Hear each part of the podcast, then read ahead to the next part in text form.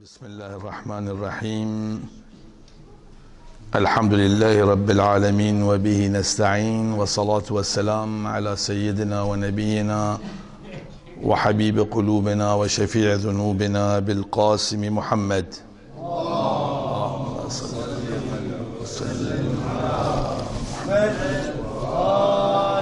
صلى الله عليه وعلى أهل بيته الطيبين الطاهرين. المعصومين الهداة المهديين واللعنة الدائمة على أعدائهم أعداء الدين. تحدثنا في الحلقتين السابقتين حول فلسفة الغيبة الصغرى والغيبة الكبرى وبينا التكليف في عصر الغيبة الكبرى.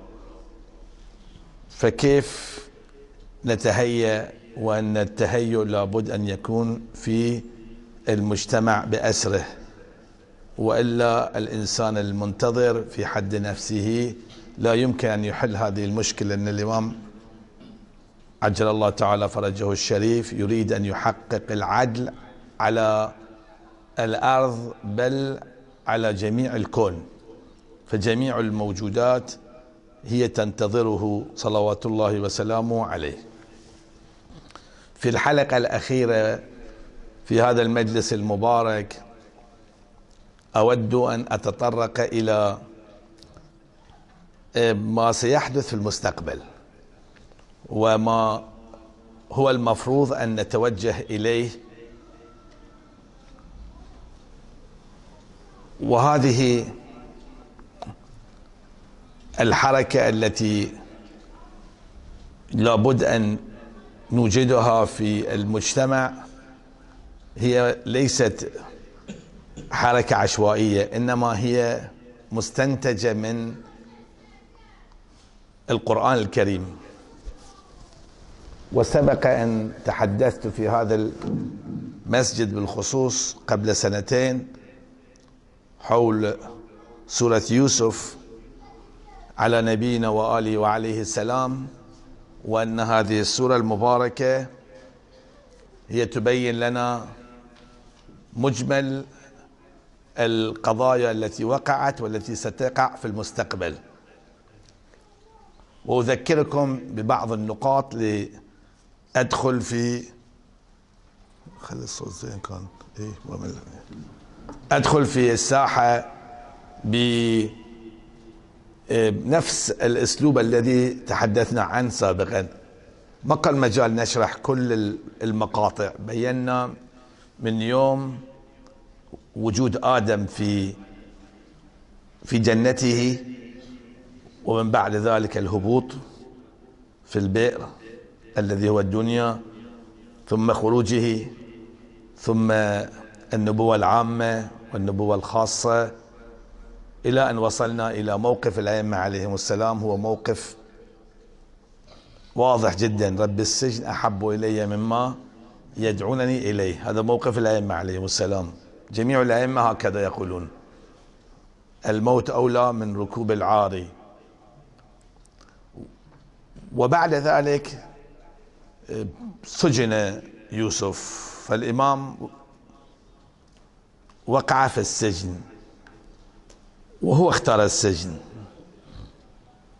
هنا الآن أبدأ في هذا اليوم أبين بعد ذلك ماذا سيحدث.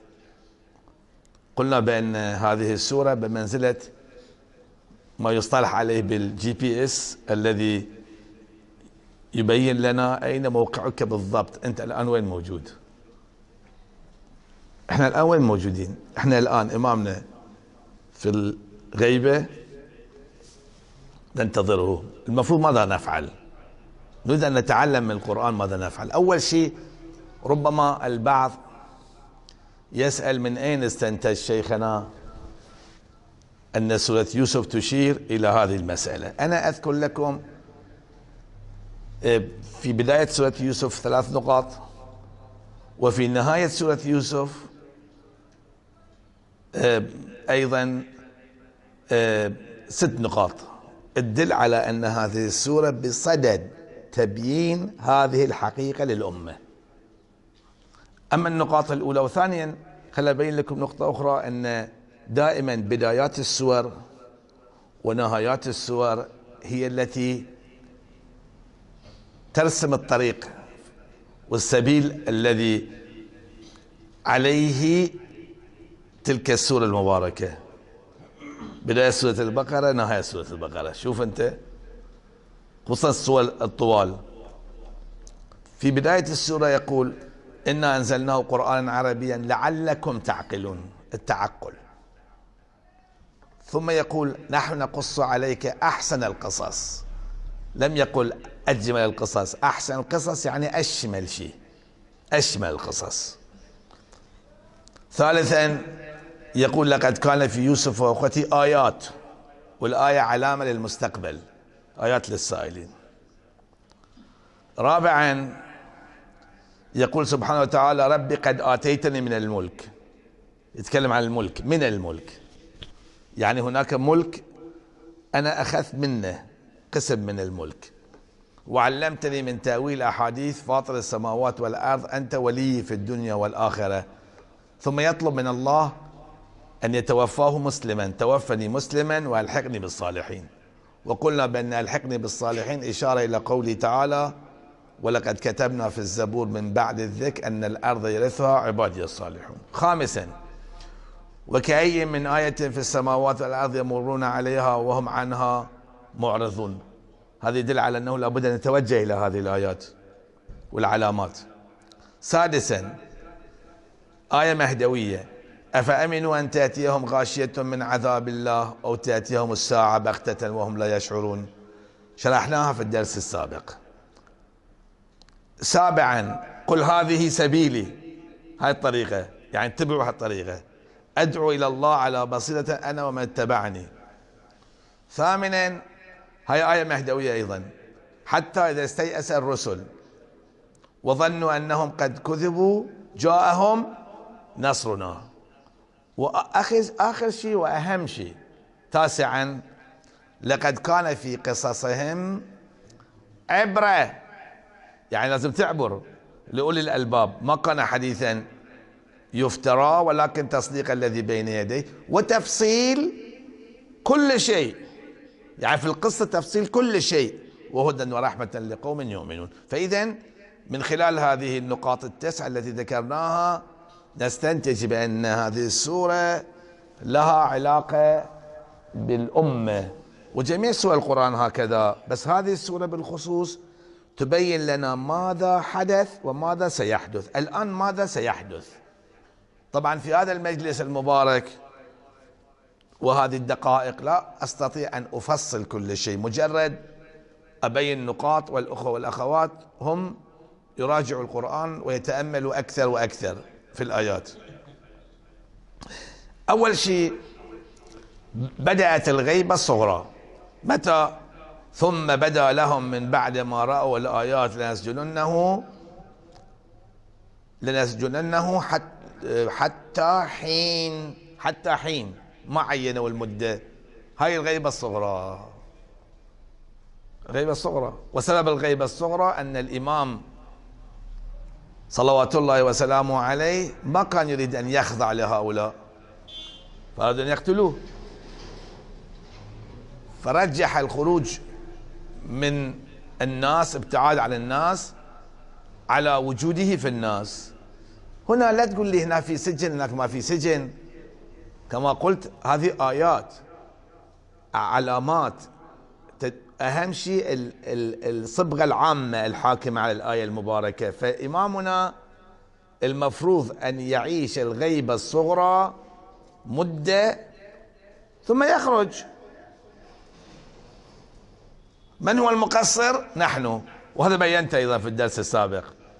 الأخوة اللي ما كانوا موجودين يمكن يراجعون الدرس السابق بينت أن من هو المقصر اللي ما خلى يظهر مع أنه كان هناك نواب أربعة موجودين وكان يمكن الوصول إليه.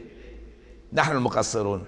علماء ناس ملوك يعني الأمة مقصرة. إنزين الحين ليش الأمة مقصرة؟ شوفوا الآية شو تقول. يقول سبحانه وتعالى هاي النقطة الثانية. وقال الذي ظن أنه ناج منهما اذكرني عند ربك. فأنساه الشيطان ذكر ربه. أكو هاي السبب. إن نسوا نسوا الإمام الحجة. هاي نسى يوسف. من السبب الشيطان؟ ما خلانا إحنا نتوجه للإمام سلام الله عليه. زين لنا الدنيا. قال هاي الدنيا بعد عندكم اللي تبونه بعد شنو تروحون توجهون الامام بدءا من الغيبة الصغرى إلى اليوم. الناس نسوا الإمام. توجهوا إلى الدنيا. ولا بد أن دائما نذكر إمامنا صلوات الله وسلامه عليه. ما ننساه. مثل الأم التي لا تنسى ولدها الوحيد وهو في السجن. فدائما تذكر الولد. تأكل تذكر الولد. تشرب تذكر الولد. تحضر المجالس تذكر الولد. وأهم شيء عندها إن هذا الولد يطلق سراحه نحن بالنسبة إلى إمامنا صلوات الله وسلامه عليه لم نصل إلى هذا المستوى حتى. متى سنفكر في الإمام؟ إذا ابتلينا ببلاء. بعد ذلك نفكر. إذا جاء داعش إذا قتلوا المؤمنين نفكر. بس التقتيل مو لازم يكون بهالمستوى لا أعلى. إذا ما نفكر إحنا. الآن جاي يقتلون لازم يجون لنا إحنا أيضا يعني أفراد واحد واحد منا. ولا اللي في نيجيريا ينقتل؟ نقول رحمة الله عليه. نعم هو يحس بس المفروض الكل يحس. البلاء يكون شامل. الآية تشير آخر شيء. حتى الكل يقول حتى الرسول متى نصر الله؟ خلاص ما ما في حل. وين هذا يبين في سورة يوسف؟ قال الملك إني أرى سبع بقرات السمان مشكلة وقعت. بنبتلي إحنا بحل. ولا بد أن نترك الحلول الهامشية. الآن نحن نجمع الاقتصاديين نجمع المتخصصين في العلم الكذا يقول تعالوا حلوا مشكلتنا. لو مجموعة يقولون والله بنروح للإمام الحجة يقول وين رايح؟ أنت اصبر الحين. إذا هذول ما قدروا يحلون نروح للإمام الحجة بعدين. شلون؟ هنا أيضا كذلك. وقال الملأ قال يا أيها الملأ افتوني في رؤياي. حلوا مشكلتي. الملأ إيش عرفهم؟ قالوا أضغاث أحلام. الموقف البلاء الموقف النقطة الرابعة الموقف. فإذا قلنا الغيبة الصغرى. المقصر والتقصير البلاء الموقف موقف الناس هكذا. الحين لو مجموعة يقولون والله بنروح نطلب من الإمام الحجة أن يحل لنا هالمشكلة الكبيرة يقول وين رايحين أنتم روحوا للمؤسسات الأوروبية. هي مسببة المشاكل. يقول روحوا لهم خلي يحلوا مشكلتكم. هم يحلوا المشكلة؟ مثل ما حلوا المشكلة في العراق. هم مسببين المشاكل. تروح تراجعهم. إلى الآن بعض الناس يقول لا المفروض أن بطريقة دبلوماسية نحل المشكلة. إلى الآن ها. فإذا لا تفكرون في الإمام الحجة إذا بحيث أن لو مجموعة يقولون والله خلينا نطلب من الإمام سلام الله عليه يحل مشكلتنا. يقول هذا يعني شيء مثل حتى الدعاء. يقول الدعاء يعني كأنه هاي شيء شيء هامشي. وذاك هو الأصلي. ما دام إحنا نعيش هالحالة فالإمام ما بيخرج. لابد أن نصل إلى مستوى. لا نرى الحل إلا عن طريق الإمام. شلون؟ وقال الذي نجا منهما وادكر بعد أمة. أنا أنبئكم بتأويله. هاي الحلول تركوها يا جماعة. فأرسلون ودوني أنا أودي أروح عند شخص يحل مشكلتكم. طبق أنت هذا على الوضع اللي نعيشه إحنا. هذا الشخص يرى بأن الحل الوحيد عند يوسف الزهراء. ويكون عنده علاقة بيوسف. يعني يعرفه ومعتقد به بأنه صديق. ومعتقد بأنه يحل المشكلة. فذهب إليه. شوف طلب من الحل الوحيد هو هذا. يوسف ما قال يا يوسف؟ هاي بين راح أتكلم معاه في السر. هاي نجوى. أيها الصديق إحنا لازم نوصل إلى مستوى نقول للإمام الحجة يا حجة الله أيها الصديق أفتنا حل لنا المشكلة. إحنا ما تنحل المشكلة بالفعل نطلب منه. هي يحتاج لاعتقاد طبعا إنه نعتقد به. بوجوده.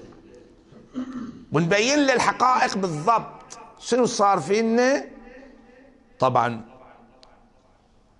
هو بيحل المشكلة.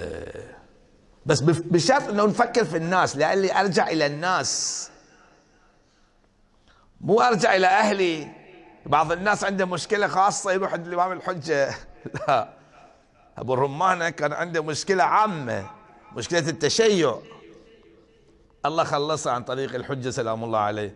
إحنا مشاكلنا خاصة. وضعنا في البحرين وضعنا في قطر وضعنا في آه، نيجيريا وضعنا في فلان. نسأل عن هالأمور. نطلب هالأشياء. لا المفروض يكون واحد يفكر في الأمة. مثلا الآن هل إحنا في يعني أحد يفكر يقول يا حجة الله تعال؟ أنا ما حليت مشكلتي مو مشكلة. الخاصة. تعال حل مشكلة أهالي نيجيريا. هل يطلب بجد حل مشكلة أهالي باكستان. بجد ها؟ ما أظن. أول شيء نفكر في نفسنا. فما دام هالأنانية موجودة فالإمام لا يخرج. ولهذا نقول هل إليك يا ابن أحمد سبيل؟ مو فألقاك فتلقى. منو يلقاك؟ مو مهم أنا من أنا شنو؟ أنا خلي أروح أصلا ما يهمني أنا. مو ما يهمني يهمني بس أنا مو مهم يعني. المهم إن أنت تنحل مشكلتك. وين هذا الشيء؟ التفكير فيه موجود؟ إذا هذا التفكير موجود طبعا آه، يحتاج هنا إن واحد يجمع الكبار. الكبار يطلبونه يقولون تعال الآن حل مشكلتنا. شوف اللي بعد ذلك شو يقول؟ النقطة السابعة. قال الملك يأتوني به. فلما جاءه الرسول قال ارجع إلى ربك فاسأله ما بال النسوة؟ وما بيجي. إذا قلنا يا حجة الله تعال حل مشكلتنا. الأمة تقول لي للإمام الحجة تعال حل مشكلتنا ما بيجي. أول شيء أبي أعرف لما الزهراء قتلت؟ لما الطفل الرضيع قتل؟ لما الشيعة ظلموا خذ حل المشكلة أول. بعدين باجي أنا وأحل مشكلة العالم أنه بيجي للمستضعفين. ولذلك الإمام الحجة ما يخرج إلا أول أن تنحل المشكلة أهم مشكلة فقدان قبر الصديقة الطاهرة. سلام الله عليها وظلمها. قال ما خطبكن شو القصة؟ عندما يثبت بأنه الآن حصحص الحق وتعرفون روايات في هذا المجال ما بدخل في الساحة. تبين؟ يقول أنا أجي مو مشكلة بس أجي المفروض ما يعرفون الناس. ما حد يتعرف عليه يكون هو عزيز.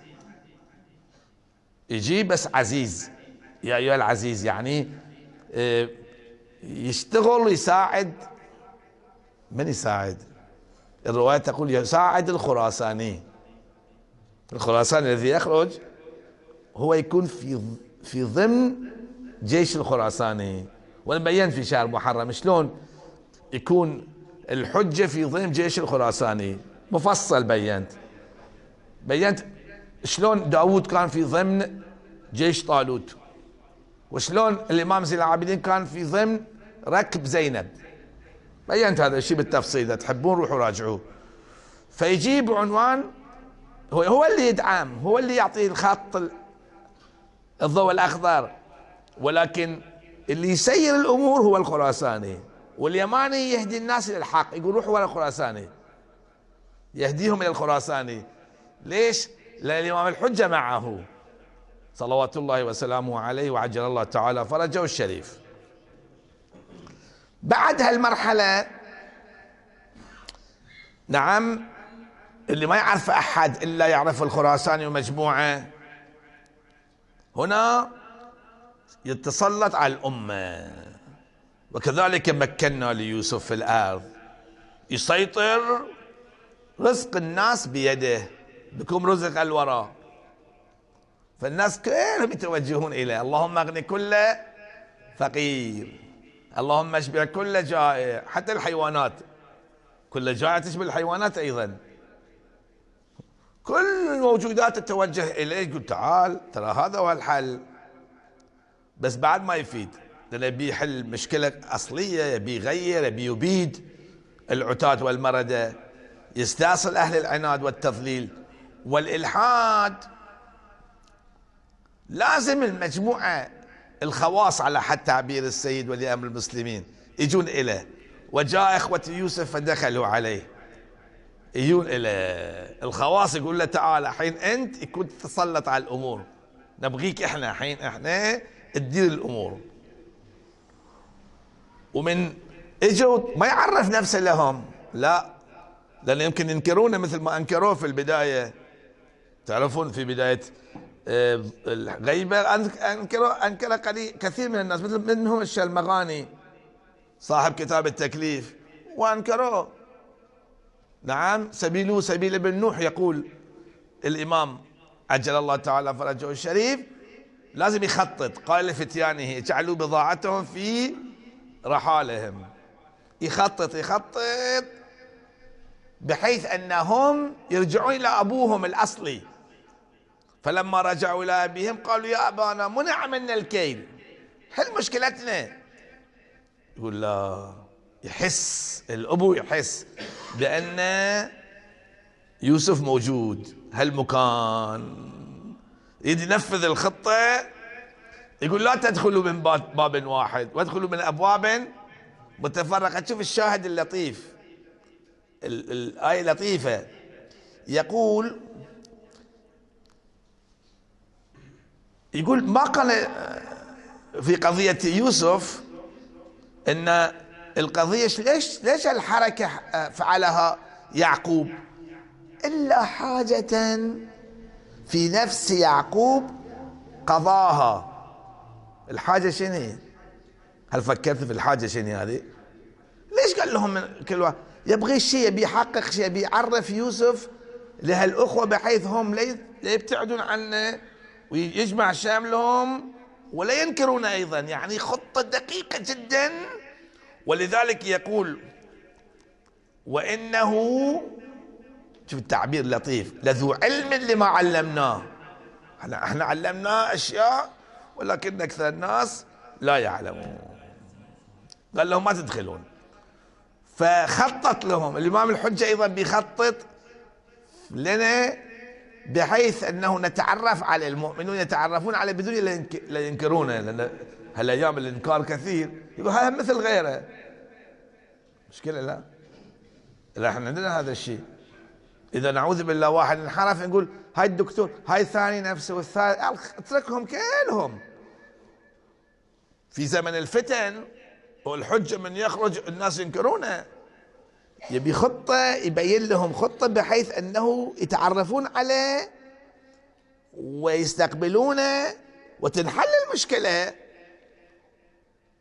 هني تطلع الآيات العلامات. ولما دخلوا على يوسف آوى إليه أخاه هذه علامة. فلما جهزهم بجهازهم جعل السقاية في رحل أخي هذا علامة. بعدين عرفوا ليش خلى هذه؟ ليش سوى كذا؟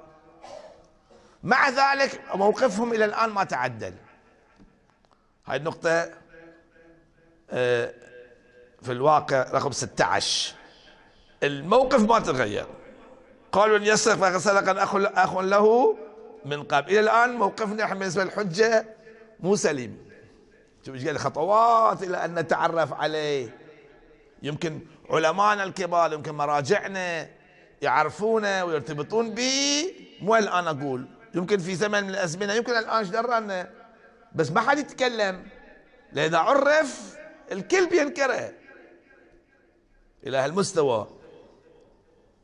إلى أن يوصل إلى التذلل. يا أيها العزيز إن له أبا شيخا كبير. من هنا قليل قليل يتذللون. يحسون تعال مشكلتنا الآن ما تنحل إلا عن طريق هذا الإنسان. فخذ أحدنا مكانه. لا لا لا, لا ما بيقبل. يقول لا لا صبروا. والقضية لازم في الواقع ترتقي أكثر وأكثر إلى أن يذهبوا إلى أبوهم مرة ثانية. شو سويتوا؟ إن ابنك سرق. إلى آخره قال بل سولت لكم أنفسكم أمرا فصبر جميل. عسى الله أن يأتيني بهم جميعا. شوف هاي الخطة. الحين منو جاي ينفذ الخطة؟ الحين الاثنين جاي ينفذون. الخطة. يوسف المخفي ويعقوب اللي هو شنو؟ اللي جاي يحاول يرتب الأمور حتى يجمع شمل الإخوان بحيث كلهم يقولون أكيد هو هذا منه يوسف. لو تركز على الموضوع. في زمن الغيبة هكذا أيضا. نحتاج إلى أنه الناس كلهم يقبلونه. ولا قسم يقبلون قسم بيحاربونه؟ السفيانيين لا. السفيانيين بيحاربونه. وأهل النفاق بيحاربونه. ولكن المؤمنين الشيعة كلهم يقبلون بأن هذا هو حجة الله صاحب العصر والزمان وهو ابن فاطمة بنت محمد صلى الله عليه وآله وسلم.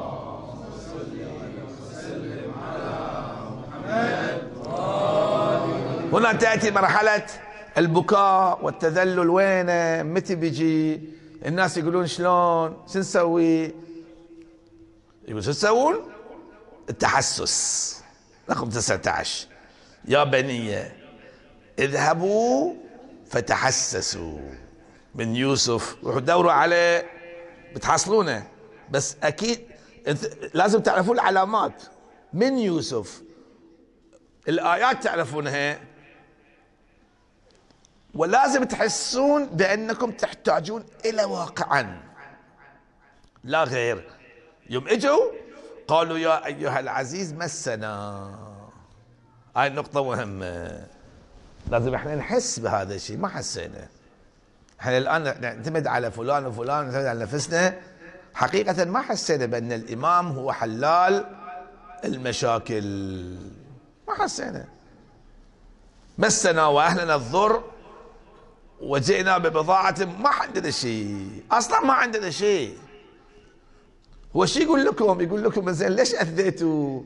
ليش تهاونتوا؟ هل علمتم ما فعلتم بيوسف وأخي؟ ليش هالمصائب؟ ليش كذا؟ من يحس بهذا الشيء؟ يعني الناس يحسون؟ يعرفون قالوا أنت لأنك أنك لا أنت يوسف؟ عرفوا يعني أريد أن أقول نقطة واحدة. كل هالكلام. إن هناك مقدمات لابد أن تتحقق حتى الإمام الحجة يظهر نفسه حتى إذا ظهر أمر الله. ظهر أمر الله. وهم كارهون.